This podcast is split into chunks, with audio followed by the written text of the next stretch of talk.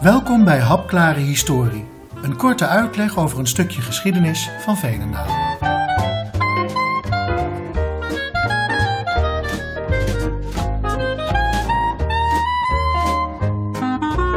Deze lezing gaat over de Joodse gemeenschap. 75 jaar vrijheid, mei 2020.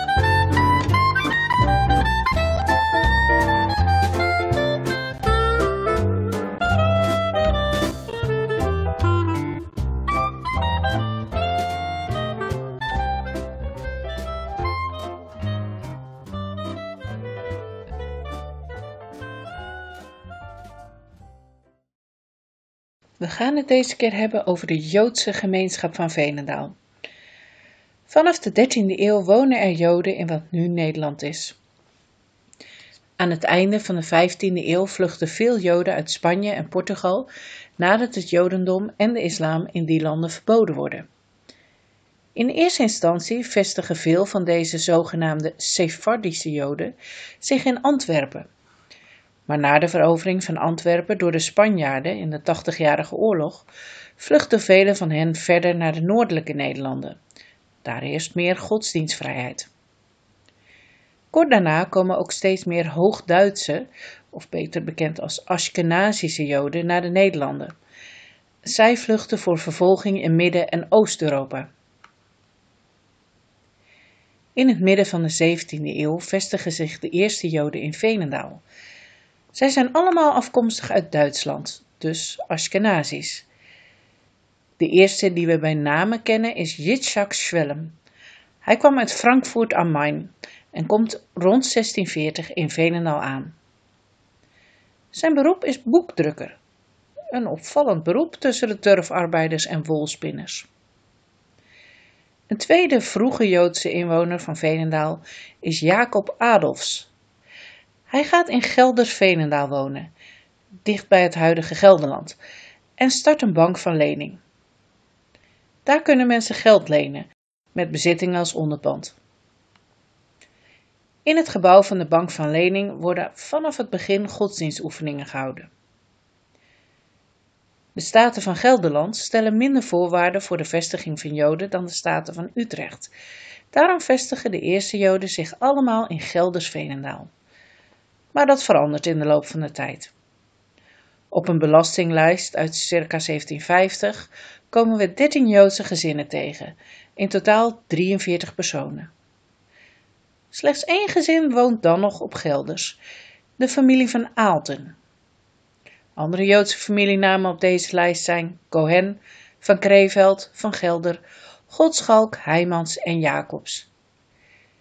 In diezelfde tijd komt Philip Philips in Veenendaal wonen. Hij handelt in tabak en textiel, maar nakomelingen van hem zullen later naar het zuiden trekken en de Philips-fabrieken in Eindhoven oprichten. In het midden van de 18e eeuw ontstaat er, naast de Joodse gemeente in Gelders-Veenendaal, een tweede Joodse gemeente in Stichtsveenendaal. Aan het einde van de 18e eeuw telt deze gemeente elf gezinnen. In totaal zijn er in de beide delen van Veenendaal dan 94 Joden, 3% van de bevolking. Tijdens het bewind van de Fransen aan het einde van de 18e en begin 19e eeuw krijgen de Joden gelijke burgerrechten. Na het vertrek van de Fransen bemoeit koning Willem I zich actief met godsdienst in Nederland. Zo komt door zijn toedoen het Israëlitisch kerkgenootschap in Nederland tot stand. En deze ontwikkelingen dragen eraan bij dat het Jodendom steeds minder als volk gezien wordt en steeds meer als godsdienst. Dit heeft ook gevolgen voor Venendaal. De twee huissynagogen worden samengevoegd tot één ringsynagoge onder de hoofdsynagoge Amersfoort. Vanaf 1843 is Aaron Jacob Levi uit Emden in Duitsland de voorganger van de synagoge. En ook is hij schoolmeester voor de Joodse leerlingen. In 1849 is de nog steeds bestaande huissynagoge aan het Gelderland te klein geworden voor de groeiende Joodse gemeente. Isaac Nathan van Essen koopt dan samen met Mortier Heijmans het recht van erfpacht op een stuk grond aan het Vlaat. En met subsidie van de provincie en een bijdrage van de minister wordt een nieuwe synagoge gebouwd. Het ligt een eindje van de weg, achter een spijlenhek. Er zijn twee ingangen. Aan de linkerkant voor de vrouwen, met daarachter een trap naar de galerij die plaats biedt aan 25 vrouwen. Rechts is de ingang voor de mannen, die via een halletje leidt naar de centrale ruimte, en daar is plaats voor 40 mannen. In het vooruitstekende gedeelte tussen de beide ingangen is een leslokaal. En achter de synagoge is een binnenplaats met een dubbele woning. Hier bevindt zich ook de mikwe, het rituele bad. Tot 1899 worden gestorven Joden begraven op de begraafplaats in Wageningen. Daar hebben de Joden een eigen Joodse begraafplaats. Maar omdat die vol begint te raken, krijgt de Venendaalse gemeenschap een eigen begraafplaats aan de parallelweg. Een van de belangrijkste en bekendste Joodse families is de familie van Essen. Levi Nathan van Essen trouwt in 1846 met Betje van Kreeveld uit Venendaal. Hun zoons Abraham Levi en Simon Levi richtten in 1879 een grossierderij in koloniale waren op. Ze zijn op dat moment 17 en 14 jaar oud, minderjarig dus. En daarom geven ze het bedrijf de naam van hun moeder, de weduwe L.N. van Essen en Zonen. Later laten ze een karakteristiek pand in de hoofdstraat bouwen, het voor oudere Veenendalers nog wel bekende suikervat. En ook de Veenendaalse stoomspinnerij en weverij, de VSW, is door een Joodse familie opgericht, de familie Bottenheim uit Amsterdam. En jarenlang is deze fabriek de grootste werkgever van het dorp. Aan het einde van de 19e eeuw trekken veel Joden uit alle delen van Nederland naar Amsterdam, ook uit Veenendaal. Woonden er in 1890 nog 57 Joden in Veenendaal, in 1913 is dit teruggelopen tot 35. In de jaren 30, als in Duitsland de Nationaal-Socialistische Partij van Adolf Hitler aan de macht komt, vluchten veel Joden naar Nederland. Veenendaal vangt drie van deze vluchtelingen op. Maar als in 1940 de Tweede Wereldoorlog uitbreekt, zijn zij ook hier niet meer veilig. Hoewel er in Veenendaal geen uitgesproken antisemitische acties plaatsvinden, is er ook niet echt een eenstemmig protest tegen de jodenvervolging. Als in 1941 gevraagd wordt naar de adresgegevens van de in Veenendaal woonachtige joden, stuurt het college deze gegevens gewoon op. Op dat moment wonen er nog 22 joden in het dorp. Twaalf van hen worden naar de concentratiekampen gedeporteerd en keren niet meer terug.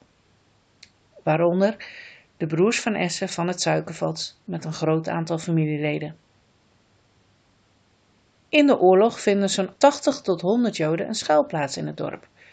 Bij dominees, bij de politiechef, maar ook bij gewone gezinnen.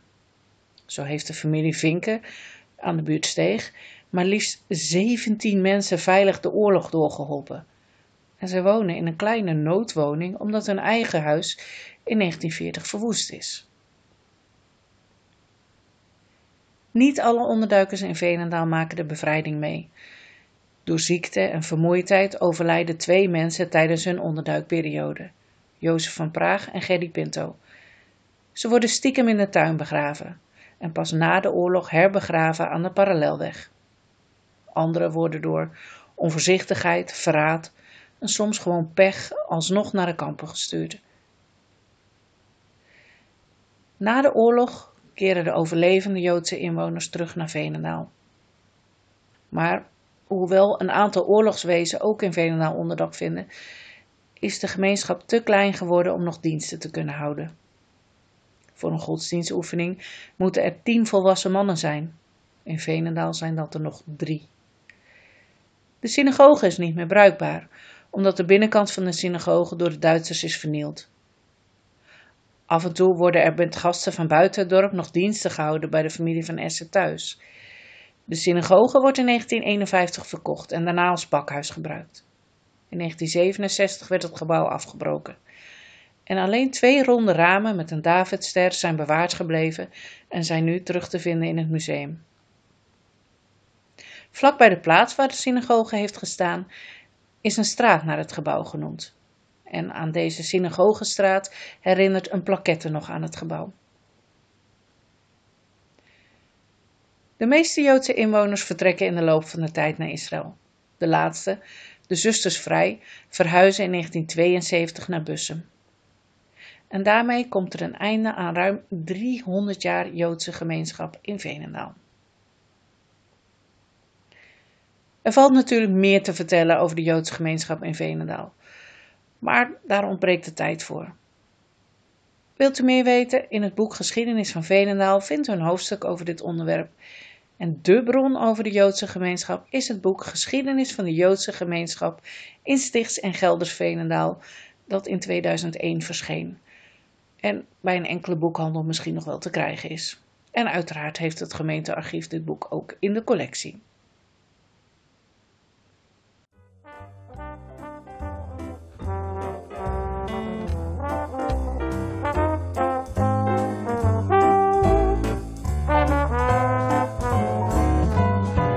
Bedankt voor het luisteren. Wil je meer ontdekken over de geschiedenis van Veenendaal? Ga naar gemeentearchief.veenendaal.nl